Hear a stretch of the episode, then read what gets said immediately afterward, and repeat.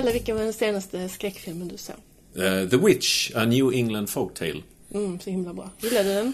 Verkligen. Eh, mystisk, eh, snyggt foto, bra skådespeleri, härligt obegriplig och så förstås ett, ett slut som man fortfarande går och funderar på. Ah, jag gillar den jättemycket. Din senaste skräckfilm? Mm, det måste vara Halloween 40 år senare. Vi såg den på bio. Tyckte du? Ja, men det var sådär. Det är ju en liksom hyllning till originalfilmen som kom på 70-talet. Och Jamie Lee Curtis är med den.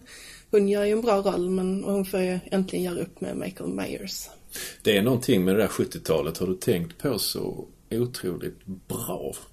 Just bra skräckfilmer som kom då. Mm, alla klassiker kom ju där. Typ Exorcisten, Alien Hajen, och Halloween. då. Halloween. Har du någon, eh, om du får välja en, vilken är din favorit då? Ja, det är jättesvårt. Antingen är det Exorcisten eller, eller Hajen. Jag säger Hajen. Och det... Du skulle ju säga Exorcisten. Nej, jag tänkte du skulle säga det. Och du var bara tvungen.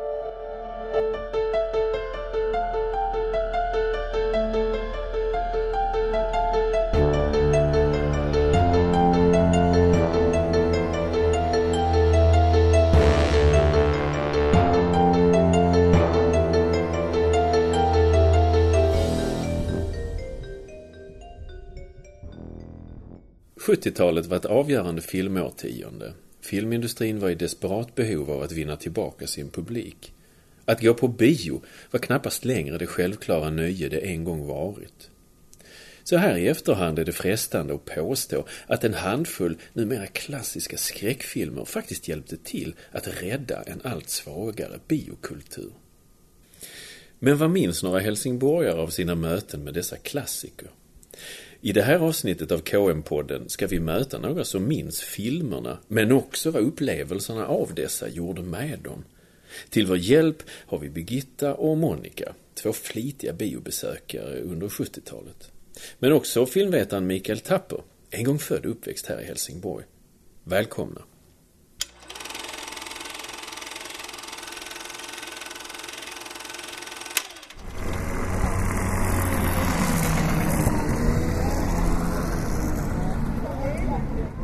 Innan vi går in i biomörkret, låt oss snabbt kliva tillbaks till det här 70-talets Helsingborg. Hur såg den här biostan ut egentligen? Ja, en brokig stad med sina drygt 100 000 invånare i början av decenniet så var det i rätt stora delar en typisk svensk industristad. Och nöjes och kulturlivet då? Jo, några diskotek och dansställen fanns förstås. Det turades på färgerna och det fanns ett visst restaurangutbud. Den institutionsbundna kulturen höll till på Vikingsberg. Vi hade en omdebatterad stadsteater, ett museum och en symfoniorkester. Och förstås biografer. Det hade funnits möjlighet att se film här i Helsingborg sedan 1904. Under 70-talet kunde man gå till Saga, Odeon, Sandrev, Röda Kvarn, Spegeln, Skala och Palladium. Men hur var det med intresset för film och bio, Mikael Tapper? Men 70-talet är ju på något sätt, det sätter ju riktlinjerna, skulle jag vilja säga. Där kommer de här stilbildande filmerna, så typ då Alla helgons blodiga natt, Exorcisten, eh, Hajen naturligtvis då va. Och Alien. Mm. Det tror jag är det är filmer som, som lev, lever liksom, men de får uppföljare framförallt. Alltså det är ju så här, film, filmbranschen är ju i kris. Och det är ju inte bara på grund av TV, utan det är ju på grund av att folk efter andra världskriget ställer om hela sin livsföring. Alltså folk, medelklassen flyttar ut förorterna. Och får en helt ny livsstil. Alltså med bil, TV, kylskåp, semester. Det är ju Mm. liksom en, en... eh, menar, många har ju inte haft mycket semester innan andra världskriget. Men nu kommer ju det här med lagstadgad semester i Sverige, men också i USA. Är det ju många som får, får åtminstone två veckors semester i alla fall. Va? Och det här med, med camping och alltså, alltså är en helt ny fritidskultur som växer upp också ute i förorterna. Och så ligger de långt från biograferna. Och det som händer då är att biograferna ligger ju kvar i centrum där som börjar förfalla ju. Men också på grund av det här publiktappet så är det ju en ekonomisk kris. Och det är det som gör att film, filmklimatet är så intressant för den här tiden också därför att ingen vet vad som ska gå hem på bio. För nu har vi en ny generation, den upproriska generationen, sån här rebellgeneration då va inte bara vänsteraktivister utan du har hela den här rock'n'roll-andan. Det är liksom det är ett uppbrott från det gamla så att säga överhuvudtaget. Va? Så därför går ju mycket en ny... Man, man vet inte vad som ska fungera på biografer. Va? Och, och då kommer ju filmer som menar inte skulle kunna produceras nu va? Som kommer upp på bio. Va? Mycket udda saker. Va? Är det någon slags testballonger eller? Jag tror det. För biobranschen ligger liksom i dödsryckningar. Va? De måste liksom chansa. Va?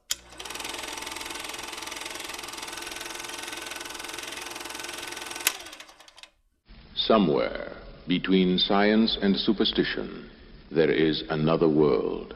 A world of darkness. Nobody expected it. Nobody believed it. And nothing could stop it. The one hope. The only hope.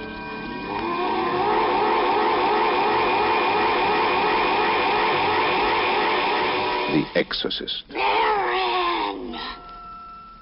Warner Brothers presents William Peter Blatty's The Exorcist. The Exorcist, directed by William Friedkin. The Exorcist, rated R. Under 17, not admitted without parent.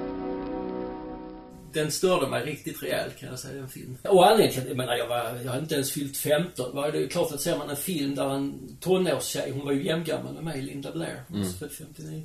Där liksom en, en, en tjej kör upp ett krucifix i underlivet. Va? Det är ju liksom inte...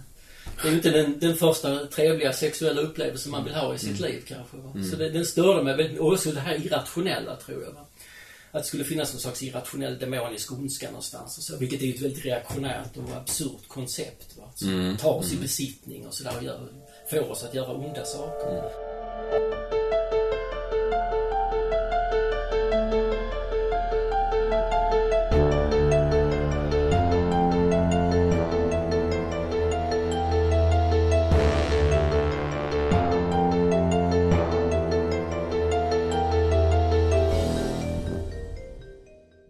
vilken biograf i Helsingborg ni gick upp på? Ja, som jag minns det så är det Spegeln. Minns du lite hur det var där Ja, ja, oh, ja. Alltså Jag minns det var så stämningen och... upptrissad stämning där och jag kommer ihåg det satt ett, några raggare satt bakom. Jag kände några men jag kände till väldigt många av dem. Så.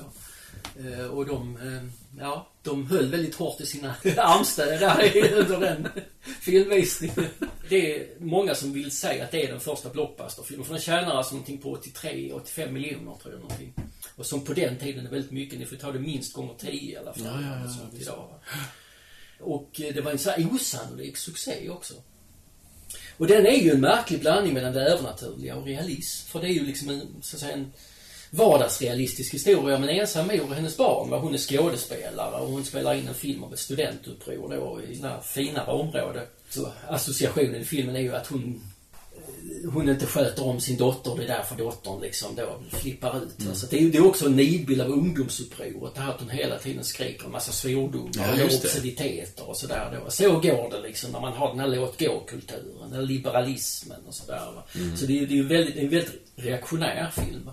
Och också det att man lokaliserar ondskan som något irrationellt. Det är djävulens verk. Så att säga. Det är också en, en klassisk reaktionär idé. Va? Så att, säga, att det finns något ont. Det, finns, det finns ett ont som är liksom helt svart och så finns det ett gott som är helt vitt. Va?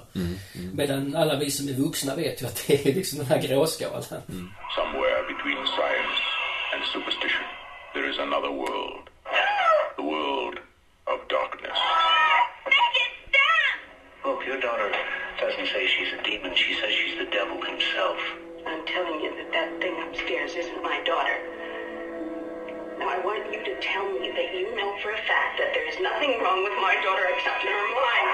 Don't tell me you know for a fact that. Var den en del av popkulturen? Jag tänker det här med, med liksom rock'n'roll det var ett mediefenomen. Ja. Jag, läser, jag har ju läst William Friedkins självbiografi. Och där, där skriver han att det var, han var ju skamlös marknadsförare. Alltså de körde ju...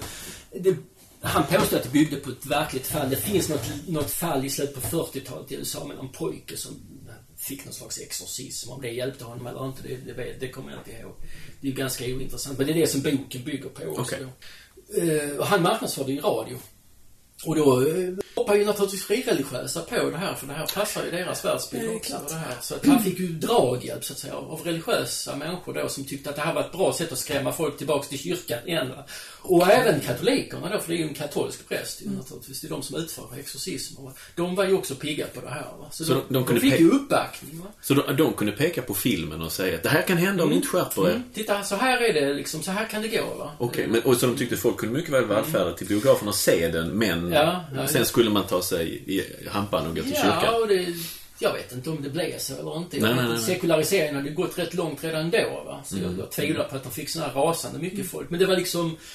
Han fick en sån, ett sånt gensvar, så att säga, för, Mm. för den här filmen. Och det blev ett sånt mediefenomen. Jag kommer ihåg det var i, i, C var det också något sånt här stort uppslaget med Exorcist och bilder där från filmen. Och det, det gick en massa myter om vad hände med dem i filmen. Linda Blair skulle tagits in på mentalsjukhus och så här, som hon har ju gått ut och dementerat, jag vet inte hur många gånger. Men det, det spelar ju in i det här då att det, det var, och det skulle ha hänt en massa skumma, någon dog under filminspelningen. Det dör alltid någon, liksom Mm. filminspelning kan ju vara i flera månader. Det är klart att det kan alltid hända någonting. Mm. Någon dör i hjärtinfarkt eller någonting sånt där. Men här skulle du då få en sån här ominös liksom undertext. Va? I believe we should begin. He will lie to confuse us, but he will also mix lies with the truth. The attack is psychological and powerful. Det är ju vissa scener som alla kommer ihåg och det är ju inte en slump. Sen den klassiska är ju naturligtvis när hon vrider runt huvudet då, va, 180 grader. Va? Det, det är ju den scenen alla minns. Alla. Skulle jag tro. Mer, nästan mer än den här när hon spyr den här gröna, eh, vad heter det? Ärtsoppa. Ärtsoppan i skallen på Max von Sydow. Stackaren. How did you like the movie?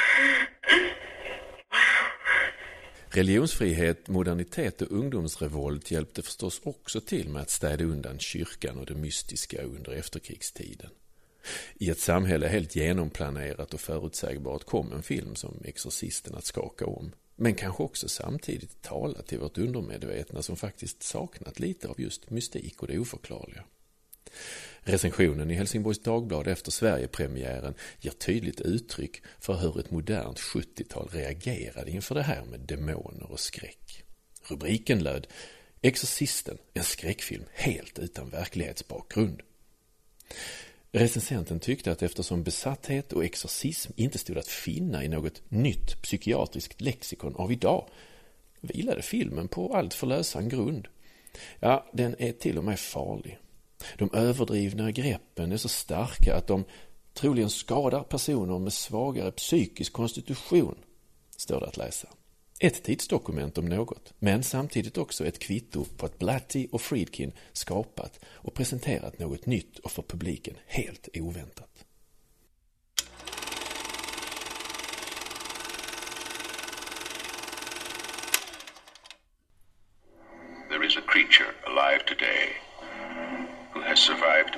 Of years of evolution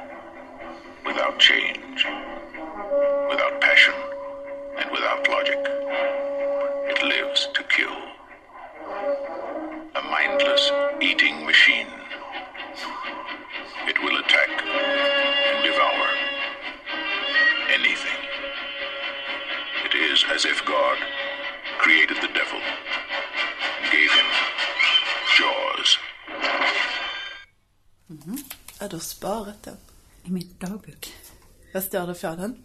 Det står Hajen den 18 i 8 77 med Gunilla P. Då såg jag Hajen på Saga. Parkett. Det var ju onumrerade bioplatser på den tiden. Så man bara satt sig där man ville. Minns du Birgitta? Jag minns det mycket väl faktiskt. Eh, Jag minns att den här eh, väninnan Gunilla, hon tyckte nog det var så läskigt så att när det var lite obehagligt då började hon prata om hästar eller någonting annat. Jag tänkte att vi får liksom koncentrera oss på filmen men det var hennes sätt att hantera det. Att, att det faktiskt var riktigt obehagligt med den här hajen. Minns du någon speciell scen du tyckte var? Nej, alltså jag minns inte scenerna, men man minns ju musiken. Det var ju den som satte skräcken i alla. Och, och så långt efter bara man gick och badade och någon började med den här du, du, du, den här musiken så eh, kände man ju direkt att åh herregud, jag vill gå upp på vattnet.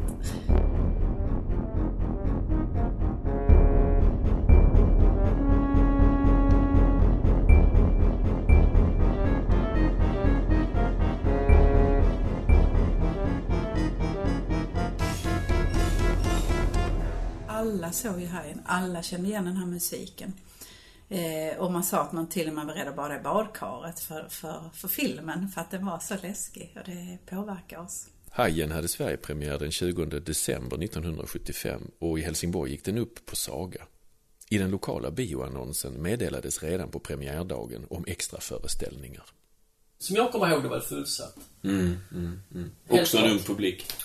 ung publik mestadels, men det var också lite äldre för det var inte samma stigma som på Exorcisten. Det var inte lika sensationalistisk eller pervers som man så vill. Nej, nej, som nej. Exorcisten. Mm, mm. Hade inte det här liksom dåliga ryktet. Va? Och det byggde på en bästsäljarroman också. Just det. Peter Benchley. Som jag har ångrat. Han har ångrat det hela sitt liv att han skrev den boken. Varför det? Nej, därför att det... Alltså man gjorde ju hajar till monster så att säga. Va? Nu, Ja, ja, nu, nu med utfiskning. 90% av hajbeståndet är försvunnet idag. Det är en katastrof Mm, för ekosystemet. va? Och det här överdrivna liksom hajskräcken. Jag menar hajolyckorna är ju oerhört få sett till hur många folk som dyker och badar och sådär i världen. Va?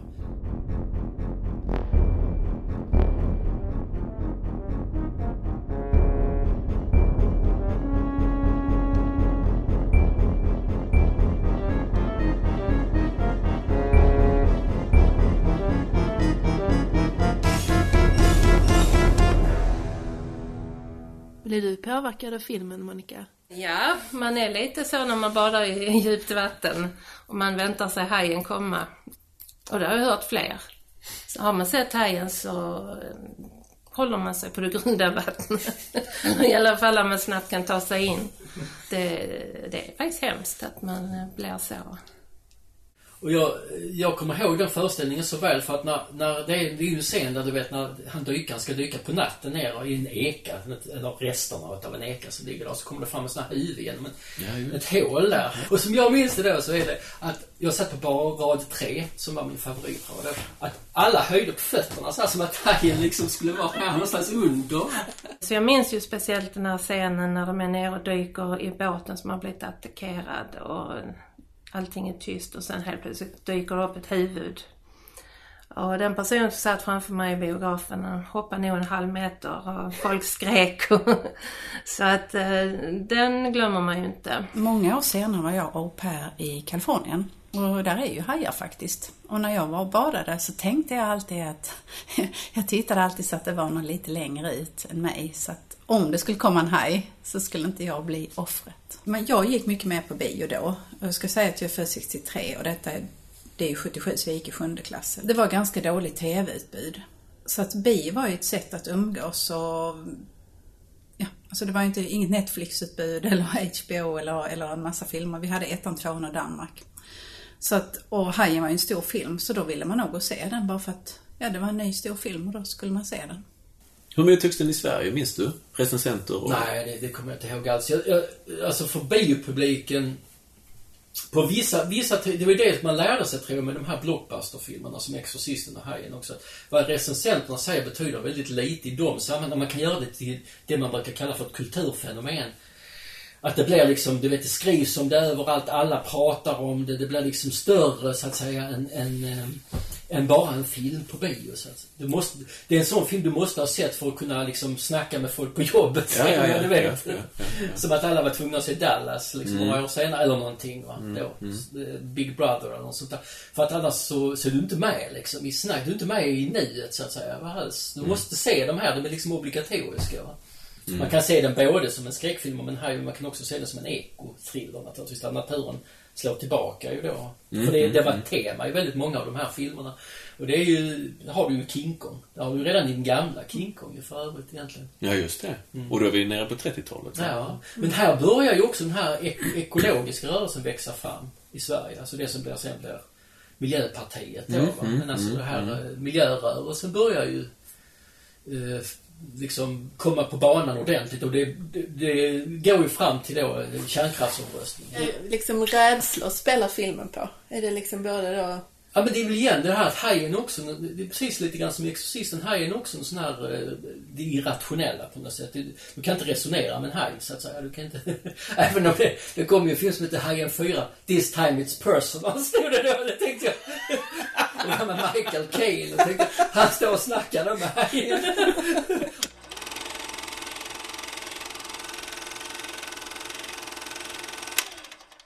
Det är ju bara film. I biomörkret har vi skrivit ett kontrakt med de som har gjort filmen. Varsågod, underhåll, överraska och förvåna mig i sådär en och en halv timme. Men den skräck och rädsla som presenteras spiller förstås ibland över och följer med långt efter att ljuset har tänts i salongen.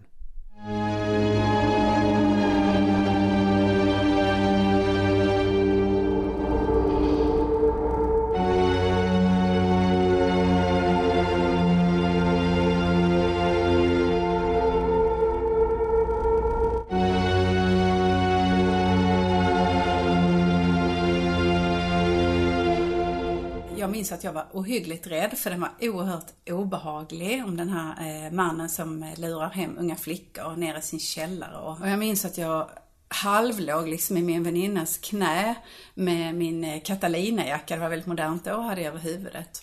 Och, och sen var jag jätterädd, jag var rädd för den filmen. Den, den, jag hade svårt att släppa det här. Så när våra vägar skildes åt på kvällen så ropade hon Akta dig för mannen med köttyxan. Så att, bara för att skoja med mig. Och jag var, jag var verkligen jätte, jätterädd för den filmen. Jag vågade knappt gå ner på toaletten på skolan eller... Nej, eh, det var min sista skräckfilm.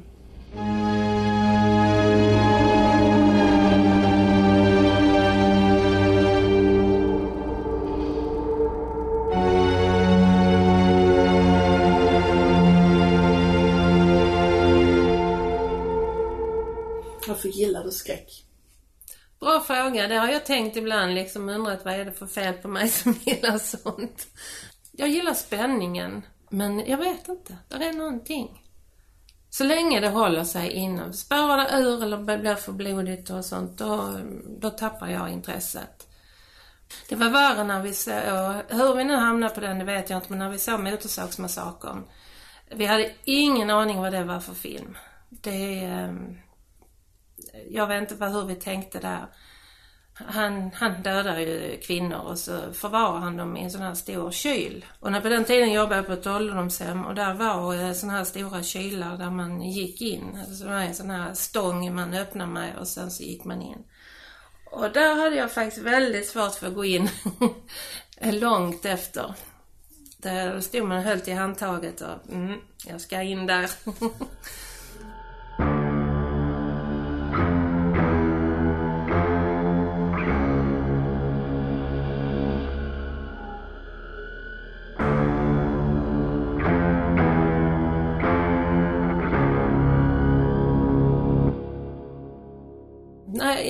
vad som händer igen. Men så det, är, man, det är spänningen ju. Jag kan leva mig in i ordentligt. Så det är det lite som är tjusningen med just bio. When was the last time you were scared out of your wits by a movie? Halloween, the motion picture about the most terrifying night of the year. Halloween, the night three teenage girls discover the real trick is to stay alive. Tommy, it's me! Halloween, the night he came home. From Compass International Pictures, rated R. Den och Exorcisten, det är de filmer som jag har sett starkast publikrespons på överhuvudtaget. Alltså. Mhm. Jag har inte varit med om något sånt, något liknande på några andra filmer. Berätta. Ja, Exorcisten är ju enkelt. Det var ju flera som gick, kan jag ju säga, för att de mådde som illa. flera som var akut rädda fast de försökte tuffa upp sig. Som de här raggarna jag berättade om Mm, som satt mm. bakom mig. De, oh, de skulle ju liksom morska upp sig och prata med såna här djupa, liksom maskulina stämmor efteråt för att visa att det här hade ju minsann inte berört dem ett dugg. Va? För att bekräfta sig själva. Det är liksom en sån här rolig, ett sån här roligt minne som man har efter den filmen. Eh, Alla helgons blodiga natt, eh, Halloween, är ju en film som om man har sett den en gång så vet man precis när folk ska hoppa till på den. Mm. Och det är de här ljud- ljudeffekterna. Han utnyttjar ljudet och musiken väldigt bra. Och det är därför att Carpenter gjort, som, John Carpenter som regisserade filmen också gjorde musik. Just det, just det. Så han kontrollerar ljud och, och, och bild också va, samtidigt. Så han vet precis vad han ska spela. Och han är väldigt duktig på att leka på det här som är skräckfilmens stora forte. Liksom att vi anar någonting som kan vara utanför bild. Va? Som plötsligt kan dyka upp va, sådär hastigt. Eller något som är i mörkret där bakom, va, som man bara anar. Va? Han spelar väldigt skickligt på det i filmen. Enormt fin kamerateknik. Alltså titta på öppnings, öppningsbilden alltså, som jag tror är någonting på 6-7 minuter med rörlig kamera. Den gjord med, med ett, en ny typ av kamera då som heter Steadicam som sen Stanley Kubrick använde sig av också i The Shining. När de åker genom de här korridorerna. Det är ju en sån här eh, eh, kamera som är upphängd då med såna här stabilisatorer som gör att den skakar inte utan det, det, det känns som en kameraåkning. Den är spänd alltså på fotografen och han kan gå, gå eller springa eller sådär. Och hela öppningen med Halloween när den här pojken går in i huset, han går in i köket, han tar den här kniven och han sätter på sig masken och han går upp för trapporna och så dödar han sin syster då. Och så går, följer kameran med honom ner för trapporna igen ut och där tas masken av. Och då, först då, pang, klipper han och så ser vi att det är ju liksom ingen man utan det är ju en sexårig pojke som har gjort det här. Mm.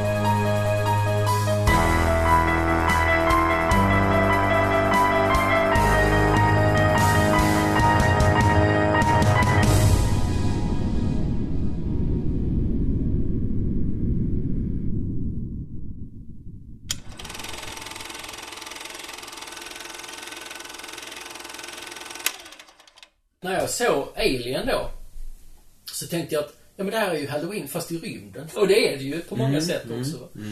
Det är ju samma story så att säga. Ett monster dyker upp från ingenstans och jagar en massa människor och har ihjäl dem av helt irrationella anledningar som vi inte förstår.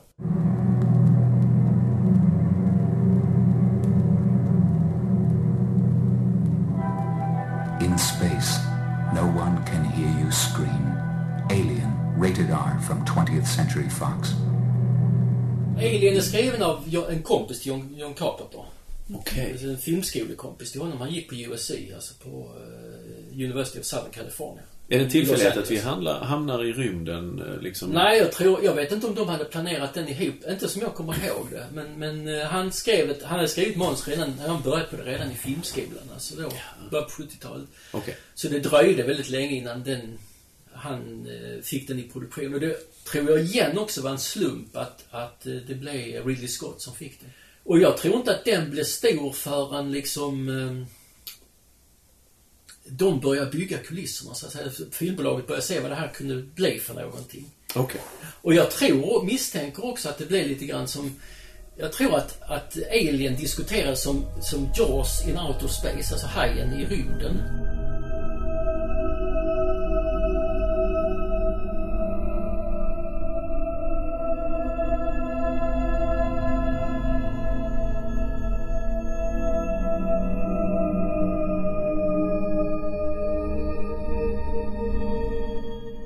När Alien hade Sverigepremiär i november 1979 fick den ett försiktigt positivt mottagande.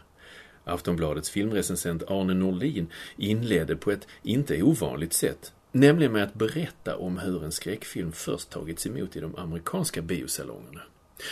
Alien har föregåtts av en otrolig ryktesvåg från USA. Det har antytts att folk har spytt, svimmat och dött i salongerna. Samma rykten har upprepats nu vid Sverigepremiären.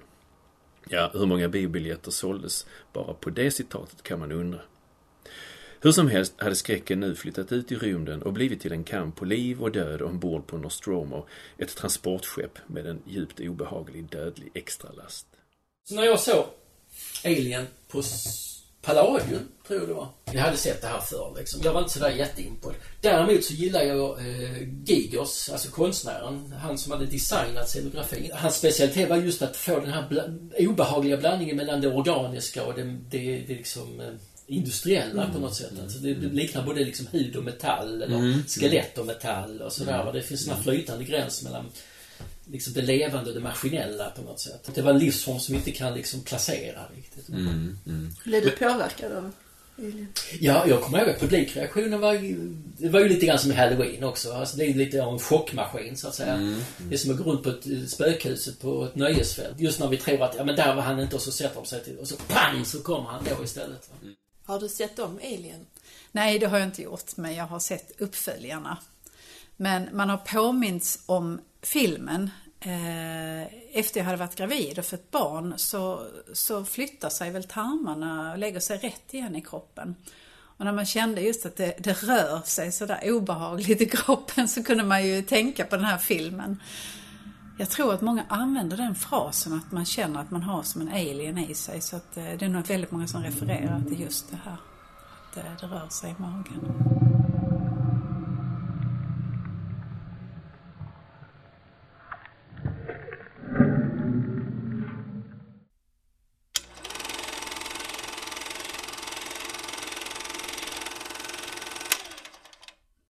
Varför tror du de blev så stora med 70-talet? Varför kom allt det då? Var det liksom... Oj, ja.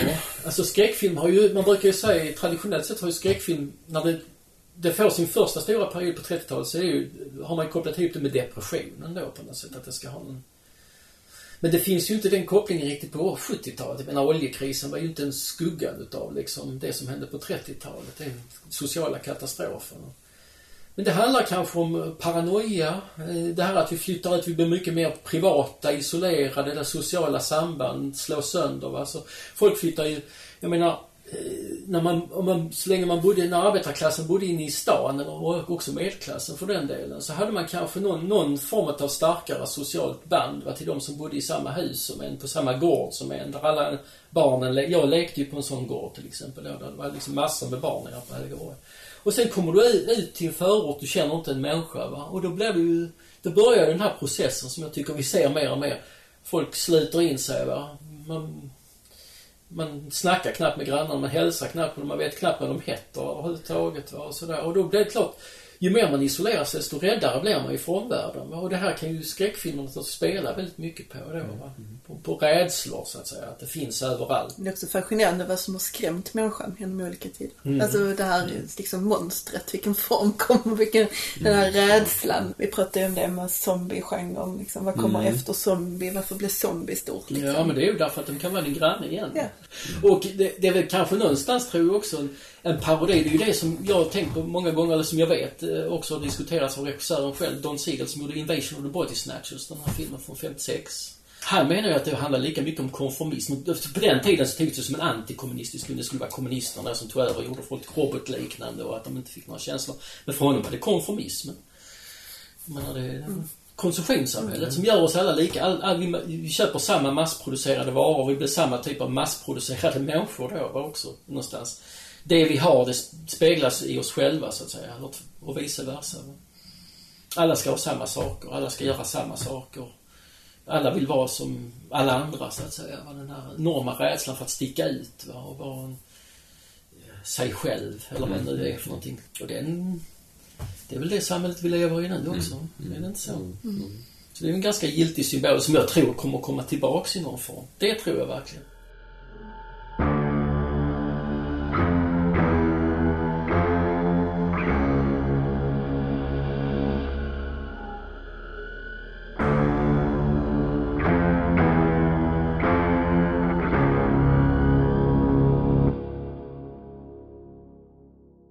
Har de här filmerna något gemensamt? Ja, det har de ju. Därför att skräckfilmer tidigare utspelar sig oftast i någon sån här... Men den klassiska skräckromanen och skräckfilmen utspelar sig oftast i Central Östeuropa. Eh, monstret är på något sätt associerat med medeltid, aristokrati, Dracula till exempel. är En typisk sån aristokratin hemsöker borgerligheten i London på 19, slutet på 1800-talet. Så det är ju det här med det förflutna, försö- eller hemsöker då nuet. Va? Det finns ju inte i den moderna skräckfilmen. Nuet hemsöker nuet. Jag tror det är svårt att gå tillbaks också för att... Det finns ju en del såna skräckfilmer som försöker spela demoner från någon mayakultur eller någonting. Va? Eller... Men det, det går liksom inte hem på samma sätt, tror jag. Utan det tror jag, för att vi bor... Vad som händer också under 1900-talet, vi flyttar till städerna. Vi förlorar kopplingen med det gamla samhället. Va? Eh, jordbrukssamhället med de här gamla traditionerna och så. Det är ju få som, sitter med, med minnen utav vad deras förfäder liksom visste och kunde och hade för världsbild och sådär. Ehm, Så jag tror inte vi har så mycket kopplingar till det gamla. Va? Och det är väl därför också så att säga igen vissa populistpartier kan Just bygga upp en fantasivärld om det gamla, som en, en värld som aldrig fanns. Mm. Så att säga. Mm. Därför att ingen har någon liksom direkt koppling till det idag. Utan vi kan antingen välja att glorifiera eller demonisera det då. Mm. Beroende på ut, utgångspunkt. Har de här filmerna påverkat eh, att du jobbar med film idag? Ja, alltså jag var ju oerhört mörkrädd när jag var liten. Så jag, jag, jag ägnade mig väldigt mycket åt skräckfilm när jag började läsa film. Och så jag skrev mina uppsatser och skrev om Halloween faktiskt. Det var nog den första uppsatsen jag skrev. Och sen om en, en annan Carpenterfilm som heter Attack mot polisstation 13. Men det är ju ett sätt att bearbeta det på också. Där, där kan jag nog tänka mig att det bästa terapimetoden är nog nästan egentligen Fre- eh, Freddy Krueger-filmerna, de här Nightmare on Elm Street-filmerna. För de handlar ju väldigt mycket om det här att liksom man tar sina egna rädslor på allvar så att säga. Och försöker se vad är det här för någonting egentligen? Var kommer allt det här ifrån? Och där Freddy är den här liksom det onda, det, det, liksom det onda i det omedvetna så att säga. Det som ligger djupt förborgat i en. Alla de här onda impulserna som kanske inte är så onda när man väl drar fram dem i ljuset. Det brukar ju vara som med trollen, att de spricker liksom när man tittar lite närmare på dem. Så idag är jag inte så särskilt lättskrämd, det kan jag inte säga.